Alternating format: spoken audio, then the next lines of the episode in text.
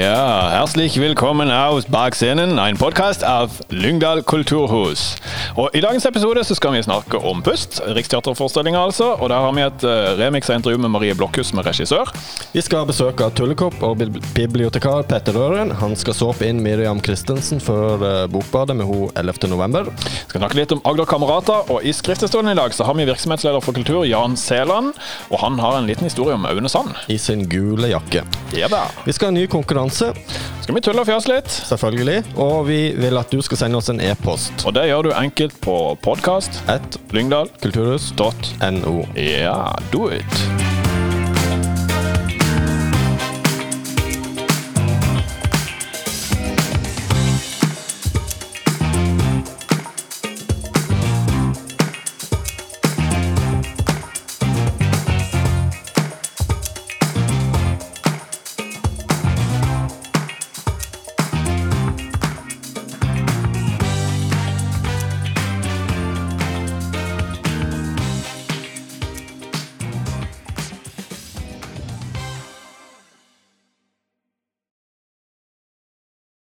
Ja, og da har vi fått med oss Marie Blokhus uh, på telefon. Uh, og hun er aktuell med regi på stykket 'Pust'. Og 'Pust' det hadde premiere i 2011 og omtales av, som et av Duncan Macmillan vikt, sine viktigste stykker.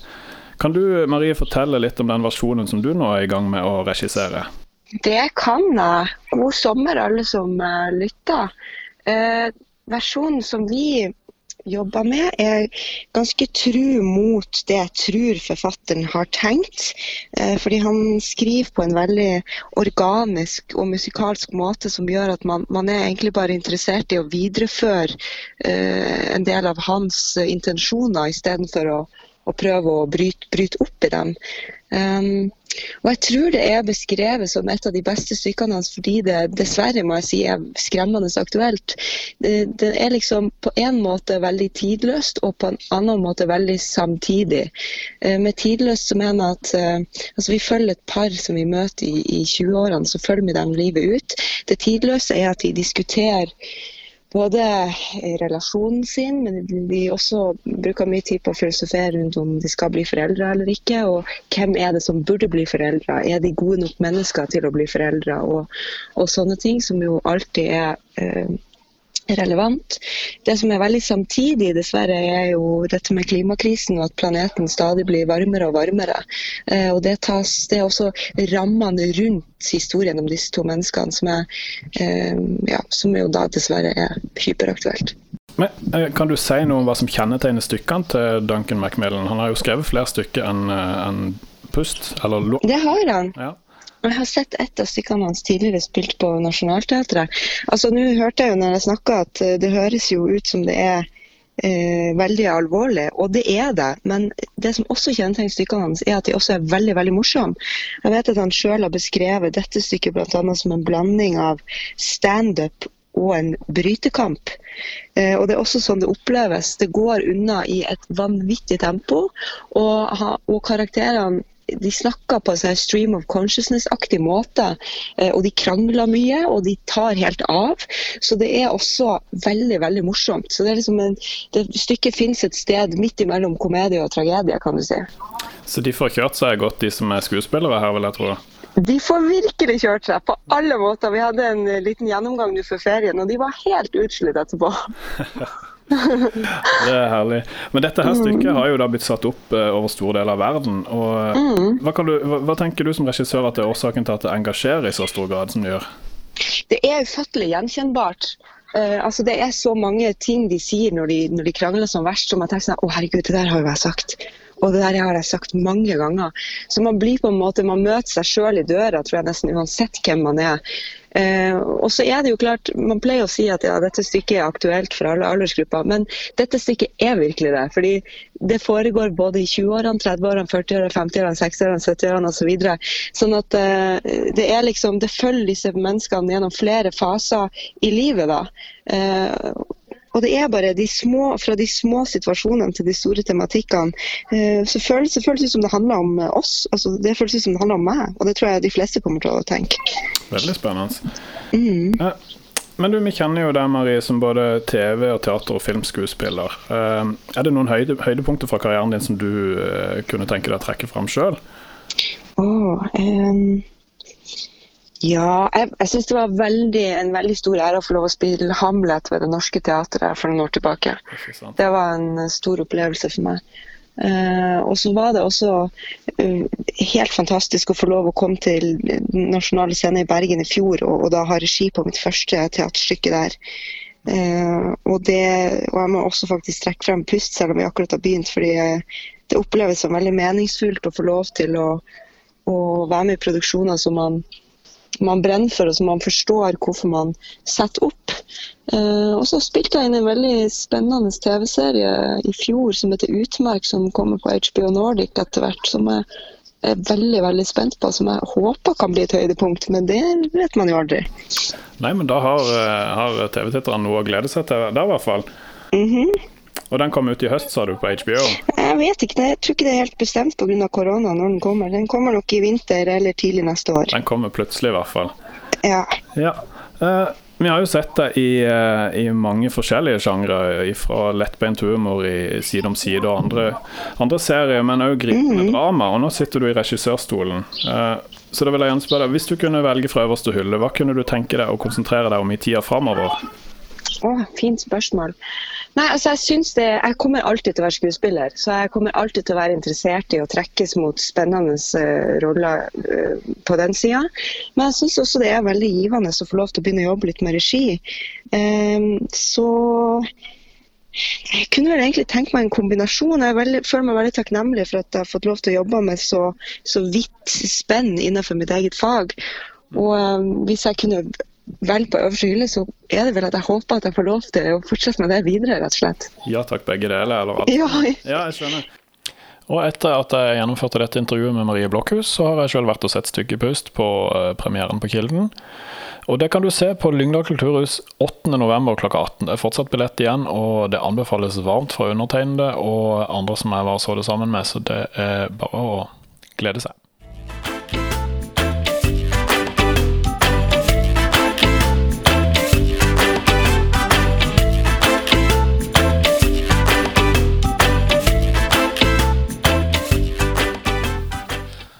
Hørte på podkasten Rekommandert med Kristoffer Schou her, og han hadde med seg en gjest, altså språkforsker eh, Ruth Vatvedt Fjell. Og det som eh, slo meg der, det var at uh, denne handler, jo, handler da om banning. Hun har gitt ut ei bok som heter Norsk banneordbok, og da var det kommet inn Hun hadde to ord som hun ikke hadde klart å finne ut av. Det ene er fra Flekkefjord. Derfor Oi. tenkte jeg, ja, ikke sant? Spennende. Jeg tenkte vi kunne ta og slenge det ut på vår podkast, for vi har kanskje noen lyttere fra Flekkefjord, eller som kjenner flekkefjæringer. Og ordet er biagave. Hva i huleste betyr det? Biagave, Nydelig ja. ord. Nydelig ord. Biagave, ja. Uh, vi har gjort litt research uh, sjøl, da. Vi kan ikke finne noe på Google. Nei, i det hele så det er bare å gi opp med en gang. Ja. Altså Dette ordet stammer sannsynligvis fra kanskje 2030-tallet, så det er et eldre ukvemsord. Uh, men kilden er altså da ukjent. Ja. Kan jeg komme med en teori? Ja. Hvis dere hører på Språkteigen ja. og Sylfest Lomheim, så sier han i 50 av tilfellene da kommer eh, sannsynligvis fra lågtysk. Ja. og dette er jo en hollenderby, så det er kanskje ikke jeg tror det kommer fra lågtysk. det er ikke helt u u Men vi vil jo vite mer enn det, da. Ja. Hva betyr det? Det er det vi er ute etter. Ja, det. Hvordan kan du bruke det? Jeg vil gjerne implementere det i mitt eget språk. Ja, byt, bytter du ut med dåse?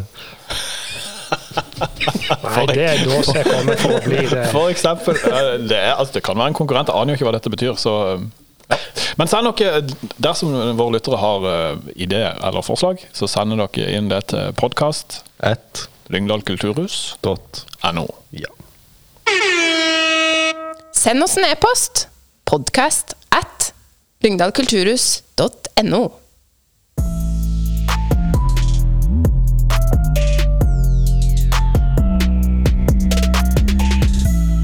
Bak scenen, en podkast fra Lyngdal kulturhus. All right, Petter, du skal bokbade Miriam Christensen 11.11., stemmer ikke det? Ja, Uh, og Det- hun er jo ute med ny bok og greier. Og ja det er jo Uh, Det er seks år siden sist. det er jo en stund. Men, hun, uh, ja. men han er modna litt, sikkert. Ja da, hun trenger visst litt tid mellom eh, slagene, holdt jeg på å si. Hun har gitt ut en bok, så trenger litt tid etterpå for å bearbeide. Og, Ja, hun er vel småbarnsmor òg. ja, det er hun òg. Og så har hun da Hun har skrevet seks bøker på 20 år. Ja, men Så det det jo går ei stund imellom. Ja, det er mer enn jeg har skrevet på 20 år, så jeg ville vært fornøyd med det. altså. Men eh, hva kan du si om, eh, om den nye boka her? Eh, nå har jeg ikke lest den sjøl ennå, for Nei. den har nylig kommet ut. Ehm, så eh, det som jeg kan si, er jo at han har fått eh, fikk en veldig god kritikk i Fevennen. Ja, Eh, femmer? en femmer på terningen av sine egne. Det er ikke dårlig. Nei, det er jo kjempe. Så eh, jeg, ikke, jeg, jeg vil ikke si så veldig mye om handlinga, egentlig. For dette, de som kjenner til Miriam sine bøker fra før, vet vel litt hva de går til. Hun var jo her for seks år siden da, med den boka som heter 'Jeg har ventet på deg'. Da hadde vi et bokbad, og det var veldig OK. Uh, jeg tenkte jeg skulle bare si litt om Miriam. Hun, vi regner hun for å være Lyngdøl. Ja, det har jeg jo alltid gjort, i hvert fall. Selv om det kanskje er en tilsnikelse. Dette, hun, er, hun er født her, eller i Farsund, og så gikk hun eh, barneskolen i Flekkfjord. Og så ungdomstida, den viktige tida, i, eh, i Lyngdal. Og så før hun begynte å studere, reiste til Bergen. Og, og i de siste årene så har hun vært bosatt i Kristiansand. Um, hun har, eh, jeg tror ikke alle er klar over hvor, eh, egentlig hvor stor forfatter hun er.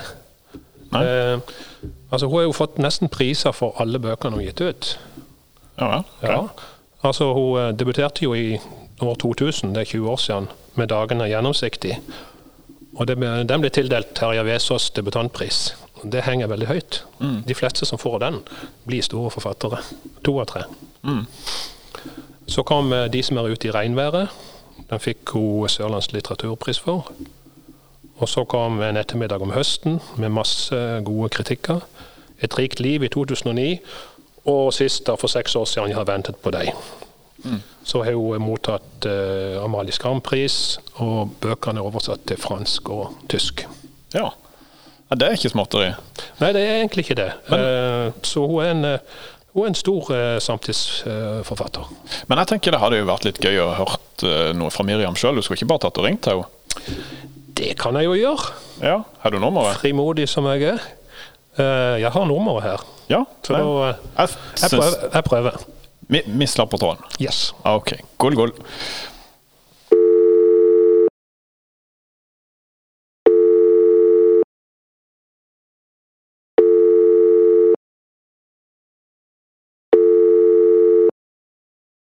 Hallo, er det Miriam? Hei, hei, det er Miriam, ja. Hei. Hei, hei, takk for sist. Takk for sist. Det er, det er lenge siden. For seks år siden så var det vel et bokbad vi hadde her eh, med den, for, den forrige boka. Ja. Så, Det, ja, mm, det er seks år siden forrige roman, ja, så da, da er det nok seks år siden vi har prata om ja, jeg tror det. ting. Ja. Det er jo helt vanvittig. Du, det går tiden fly, holdt jeg på det. Du debuterte Ja. jo i år 2000, så du har jo 20-årsjubileum også. ja, jeg har eh, 20-årsjubileum, og jeg er kjempefornøyd med at jeg har klart å gi ut en ny bok akkurat nå. Så bra. Mm. Og den, Ja. den bærer navnet 'Et plutselig mørke'. Ja. Kan du fortelle litt om boka? Ja, um, boka handler om to venninner, eh, to damer, som er på min alder, tilfeldigvis. Og de har, vært, eh, de har vært veldig, veldig gode venner som um, ungdommer, da. Møttes på videregående.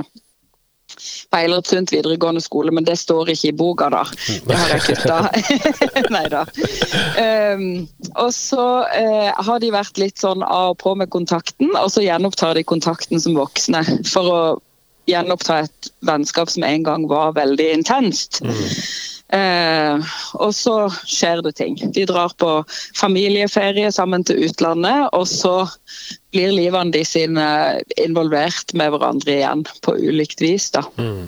Så det er en roman om vennskap og om eh, ungdomstid, men også om eh, identitet og ja, finne ut av hvem en er, eller hvem en kan være, tror jeg. Mm. Du har brukt lang tid på å skrive den. Jeg har brukt, tror jeg, sånn kanskje fire år. Eh, jeg er jo sånn som må bruke lang tid på å komme inn i noe nytt etter jeg er ferdig med en roman. Eh, så Den forrige boka mi handla om andre verdenskrig, og det Ja. brukte jeg mye Det var mye research og mye hardt arbeid på den fronten, så jeg brukte nok en del tid på å hvile meg ut etter den, kan du si. Ja. Du, har, du har jo skrevet seks bøker på 20 år, så det, du, Ja. du spyr det ikke ut. Jeg spyr ikke ut. Jeg kan jo ikke bry folk hele tida. Oh, ta nå ikke den beskjedne tonen der. Eh, apropos beskjeden tone. Eh, du fikk jo en vanvittig fin anmeldelse i, eh, i Feven, da. Ja. Du var fornøyd med Det den? er jo, ja, altså det er jo fantastisk for en forfatter som gir ut bok etter seks år, å få en sånn første en femmer da, i Ja. uh, byens avis. Det er Ja. jo en, en pangstart, vil jeg si.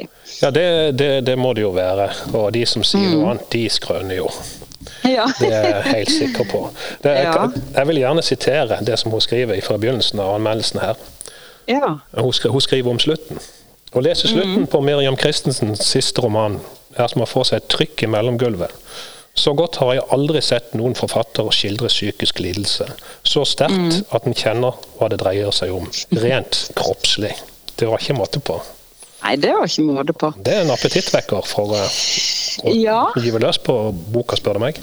Jeg håper det, og så håper jeg ikke begrepet psykisk lidelse skremmer noen vekk. For det er ikke liksom Ja. Det er ikke på en måte en sånn overtydelig eh, tematikk i det, men, men jeg skjønner at eh, anmelderen Hmm. eh, tenkte det òg, på en måte. Ja. Hun, eh, mm. ja, men den er grei. Vi gleder oss jo fryktelig til at du skal komme på besøk. Det blir, Ja. og Jeg håper at det kommer masse folk som vil høre på. Og Ja.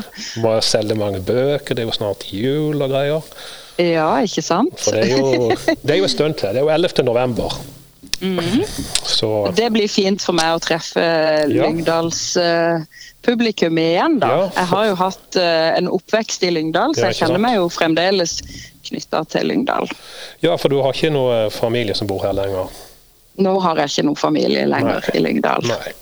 Så det, Mm. det blir stas. Uh, da tror jeg bare vi vil ønske deg hjertelig velkommen. Ja, jeg gleder meg til å komme. Flotte greier. Da snakkes Ja. vi. Det gjør vi. Ha det bra. Ha det.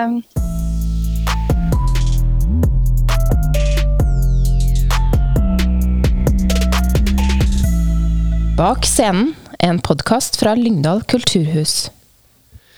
Du Pål, Ja. vi kan jo ikke ut på noen reise for tida pga. korona. Nei, men vi kan jo ikke det. Nei, men vi skal ut og reise likevel. Yes! Og jeg skulle slutte å si yes, så jeg beklager det. Men i hvert fall mandag kje- eh, 26. oktober klokka seks, da kommer Agder Kamerater eh, på besøk igjen. Og de har vært her et par ganger før. Hva er Agder Kamerater? Du, Det er et uh, kammermusikkensemble fra Agder, og de spiller musikk av Agder-komponister. Og det er musikk som er ganske ny. Ja. Uh, og i år så består ensemblet av Tora Røstvik på fløyte, Noelia Castineira da Silva på fiolin, Anna Anne Camilla Fure Thommessen på bratsj, Randi Birkeland på cello og Erik Haugan Aasland på piano. Det er et fantastisk bra ensemble. og eh, de har tiårsjubileum i år. Eh, Det vil si at de har god fartstid, og de spiller eh, sabla bra. Eh, blant annet biblioteksjef Hege Soli har sett mange av disse konsertene og skryter hemningsløst. Og veldig mange av de andre jeg har prata med som har vært på disse konsertene. Og har selv vært og sett. Det er høy kvalitet, og det er noe å være stolt av for eh, oss sørlendinger. Ja, og det var på mandag 26. Det er mandag 26. oktober, og billetten er jo sykt billig. Det var jo bare 50 kroner. Ja, Det er ikke noe å lure på engang. Nei, det er ikke det. Nei. Kjør på. Ja, det er bare å gønne på. Kos dere på Agder Kamerata. Velkommen til den store kinodagen, lørdag 7. november.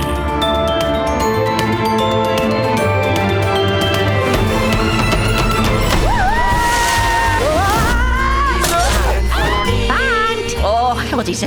Jeg må tisse. Nå har jeg tissa.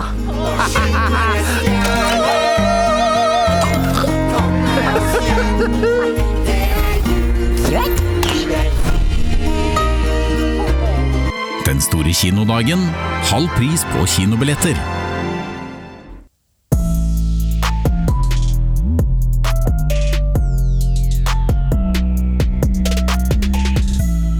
Bak scenen, en podkast fra Lyngdal kulturhus.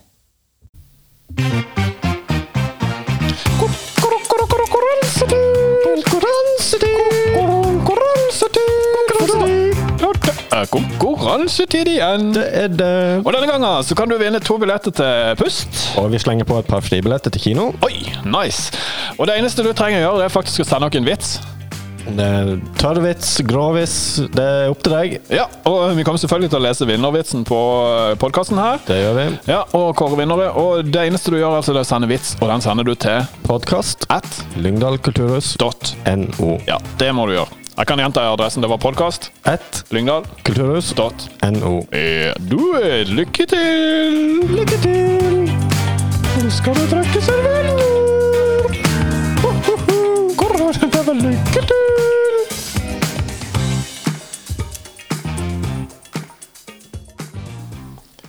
Petter Øren, eh, dere på biblioteket har begynt med noe helt nytt i høst. eh, Og det er foregår på dagtid. Ja, det er noe nytt. Vi må jo alltid prøve å finne på noe nytt. Mm. Det kaller vi for litterær lunsj. Det har vi hatt en gang før. Da var temaet eh, novelle. Da snakket jeg og sjefen min Hege om novelle som sjanger. Mm. Det kom ganske mye folk òg. Ja, det gjorde det, og vi hadde bevisst ikke gått ut hardt for vi var redd for at det kunne bli for mye folk eh, i forhold til korona og sånt. Men vi var veldig godt eh, fornøyd med, med besøket. Da snakket vi om novelle, og det paradokset at eh, alle sier at de har ikke tid til å lese, men eh, de leser jo tusenvis av sider, men de leser ikke novelle. Og det, den tida det tar å lese en novelle, er jo omtrent som et sånn gjennomsnittlig toalettbesøk for en herremann, i hvert fall. Eh, så, det, så det snakket vi og tulla litt grann om når Hege leste og jeg leste og tegna fortalte, fortalte. Og dette her gjorde vi på 35 minutter. Altså seansen litterære lunsj varer ca. 35 minutter. Tre-fire skjeve, da. Tre-fire skjever. Ja. Ja, alt etter sånn. Ta med matpakke. Hvis ikke du har skjever med, så får du servert kaffe, te og Twist. Eh, Så det kommer jeg til å kjøre på. Det hadde vi sist, og det skal vi ha nå òg. Men hva skal temaet være neste gang, og når er neste gang? Neste gang er da ikke denne fredagen, men fredagen etterpå, som er 30. Ja. Oktober- Tidspunkt er det oktober. samme, klokka 11. Ja. Um, og varer i 35 minutter. Uh, foregår inn i festsalene. Temaet denne gangen er bøker. Uh, vi skal presentere et par bøker hver, meg og Hege. Uh, bøker som har betydd noe spesielt for oss i en eller annen tid uh, i løpet av vår levetid. Fra enten vi var unge eller ja, alt etter sånn. Uh, I tillegg skal vi presentere ei splitter ny bok hver. Riktig, ja. Så her blir det fin blanding av gammelt og nytt. Ja, det var, vi var veldig fornøyd uh, og fikk veldig gode tilbakemeldinger sist, etter sist seanse. Så vi har virkelig lyst til å fortsette med dette.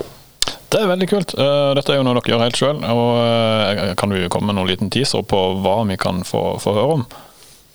Nei, Nei. Er det Nei. norsk forfatter? det kan det være. Altså en eh, veldig hemmelighetsfull Petter Røren. Ja, Et glis om trynet. Ja, nei, men det er greit. Nei, Derfor, altså, Poenget er at folk må jobbe og komme. ja, det, det holder jeg med deg. Da, gjør det, da oppfordrer vi folk til det. Og uh, vi klarer fint å overholde koronaregler, så SARS-CoV-2-regler, som vi velger å kalle det.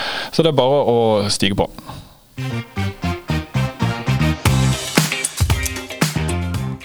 Send oss en e-post. Podkast at lyngdalkulturhus.no.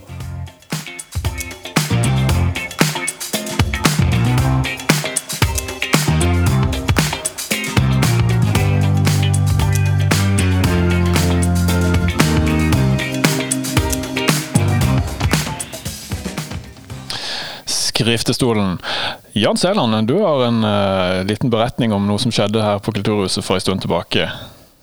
Ja, ja, jeg har jo det. Eh, Det er jo derfor jeg er her. Ja, nettopp. Ja.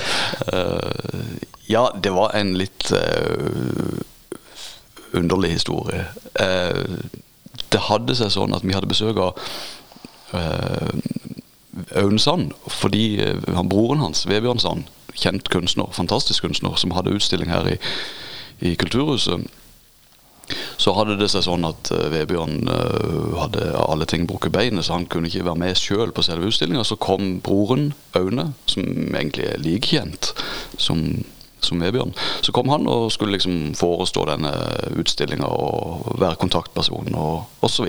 Men han kom litt sånn uanmeldt? Han kom litt sånn uanmeldt, og det, vi måtte jo kaste oss rundt. Det var en, de kalte det for pop-up-utstilling. Og det vil jeg jo si det var. Det var definitivt det. Så han poppa opp, eh, altså Aune, eh, på eh, Kulturhuset og spurte har dere lyst til å ha den utstillinga. Det hadde vi selvfølgelig. Så vi kasta oss rundt og eh, lagde rom, tid og rom. Og så fikk vi det til. Og det er jeg jo kjempeglad for, for det var en utrolig flott utstilling. Men eh, ja, så, så, så langt, så godt. Mm. så var det sånn at når han da kom, eh, så Jeg vet ikke om folk kjenner vet hvem Aune Sand er, men han er jo en skikkelig sånn fargeklatt. Han, han øh, var kledd i ei gul sånn refleksjakke. Ja, sånn sykkeljakke. Sykkeljakke, ja. Ja. Uh, og så hadde han et pannebånd og litt sånn halvlangt hår. Jeg mener, husker han jo hadde et eh, sånn perlehalsbånd som, som dattera hadde lagd. Når du sier det. Et litt, sånn, ja, ja, ja, litt sånn original type, men utrolig hyggelig. Uansett så um, gikk han da og valsa litt rundt nede i foajeen på Kulturhuset. Uh, Han visste sikkert ikke helt uh, forskjell på opp og ned, han hadde aldri vært der før. Og så For da hadde ikke han gjort noen avtale med oss, han bare var jo, her? han hadde egentlig det. Okay. Jeg visste at han skulle komme, men, uh, men iallfall så, så, så tok det kanskje litt tid før jeg fikk en telefon om at nå var han her. Ja. Så han hadde iallfall oppholdt seg der i ei lita stund i, foajeen. Og så fikk jeg telefonen at nå, nå, nå er jeg her. Eh, Mm. Og så gikk jeg selvfølgelig ned og, og møtte han da. Det var jo kjempetrivelig. Men- Men så skjedde det noe mer, da? Ja, mens vi sto der, så kom altså to uniformerte politifolk inn Ja. i uh, foajeen. Og de, jeg kjente jo de, de var lokale politifolk, så de kom bort til meg, og så spurte de meg om jeg hadde sett en mistenkelig type i foajeen. Eh, en, eh, sannsynligvis en eh, rusmisbruker som gikk rundt og valsa og ikke helt visste hvor han skulle. Oi. Og så kikka jeg på både politimannen og Aune Sand, for jeg hadde ikke hørt om dette her. Og eh, jeg ble veldig i stuss, for nei, vi har ikke hørt om noe uh, rusmisbruker som valser rundt i foajeen. For da hadde noen ringt inn en melding om det til Noen hadde ringt inn en melding om at det gikk og vandra folk i foajeen som ikke så ut som de skulle være der. Mm, ja. Og jeg så bare på blikket til politimannen at han skjønte at denne personen som var blitt rapportert inn, det var høyst sannsynlig Aune Sand, som sto der og snakka med, med politiet. Eh, og jeg prøvde å glatte over det så godt jeg kunne. Jeg så i blikket til politimannen at både han så i mitt blikk, og jeg så i hans blikk at vi skjønner begge to hva som foregår her. Eh, Noen har ringt inn, og vi må bare late som ingenting og si at nei. Litt stivt blikk og litt stiv samtale. Nei, vi har ikke hørt om noen rusmisbrukere i denne foajeen i dag. og så gikk politiet tilfreds ut igjen. Og så ble det utstilling. Så ble det utstilling. Nei, det var en fin historie. Takk skal du ha, eh, Jan, for at du delte der med oss. Bare hyggelig.